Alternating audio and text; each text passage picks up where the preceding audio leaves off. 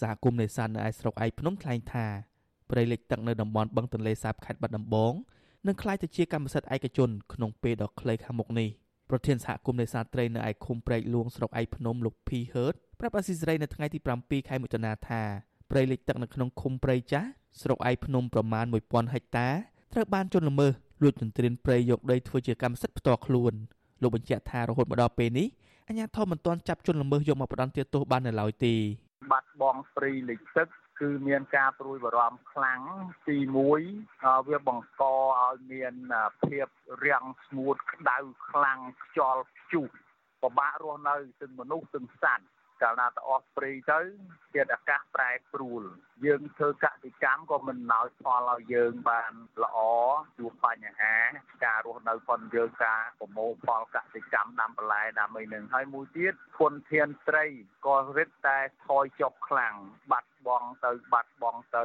ដោយសារអត់មានទីជំរក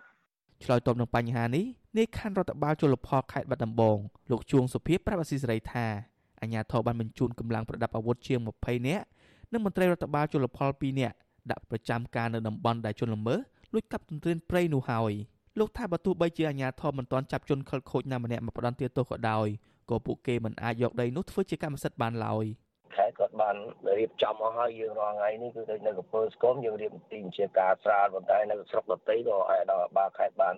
ប្រជុំដាក់បរិងវិធានការច្រើនហើយការវិថ្ងៃទី27ខែឧសភានេះក៏គណៈកម្មការថ្នាក់ជាតិដែលមានរដ្ឋាភិបាលក្រសួងកសិកម្មក៏គាត់ចុះមកធ្វើការប្រជុំវិម្ល័យសិក្សាឲ្យដើម្បីរាយការណ៍ជូនអាយតំរដ្ឋត្រីក៏ដូចជាសូមគោលការណ៍ទៅរដ្ឋាភិបាលថាតើគួរនឹងអនុវត្តជាការបន្តយ៉ាងម៉េចបាទមេជលផលខេត្តរូបនេះបន្តថានៅក្នុងឆ្នាំ2021នេះ អាជ្ញាធរខេត្តចាប់បានជនល្មើសជាង20នាក់បញ្ជូនទៅតុលាការដោះស្រាយតាមផ្លូវច្បាប់លោកជួងសុភីបក៏អំពាវនាវដល់ប្រជាពលរដ្ឋឲ្យសហការជាមួយនឹងអាជ្ញាធរដោយហ៊ានរាយការណ៍ប្រសិនបើពួកគេប្រទះឃើញជនខលខូចលួចកាប់ទន្ទ្រានព្រៃដើម្បីឲ្យអាជ្ញាធរចុះទប់ស្កាត់បានទាន់ពេលវេលា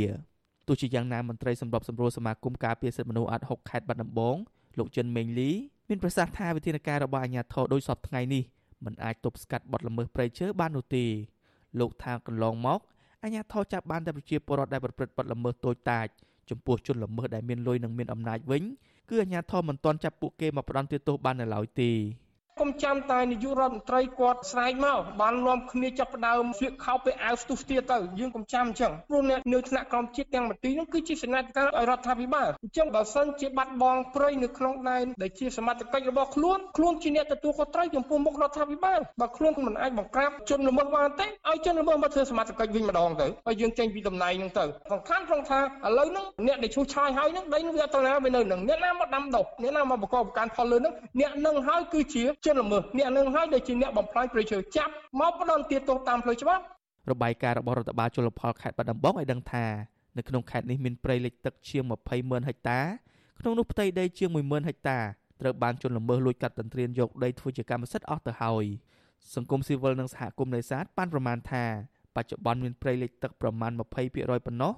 ដែលនៅសេសសល់ក្នុងខេត្តបាត់ដំបងហើយធនធានធម្មជាតិទាំងនោះនឹងអាចហិនហោចក្នុងឆ្នាំ2022ខាងមុខនេះ ព្រោះមួយរយៈចុងក្រោយនេះសកម្មភាពអ្នកមានលុយមានអំណាចមួយចំនួនដោយប្រើរូបភាពទន្ទ្រានព្រៃដែលជួលពលរដ្ឋក្រីក្រដុតបំផ្លាញព្រៃដើម្បីយកដីធ្វើកម្មសិទ្ធិខ្ញុំបាទជាចំណានអាស៊ីសេរីពីរដ្ឋធានី Washington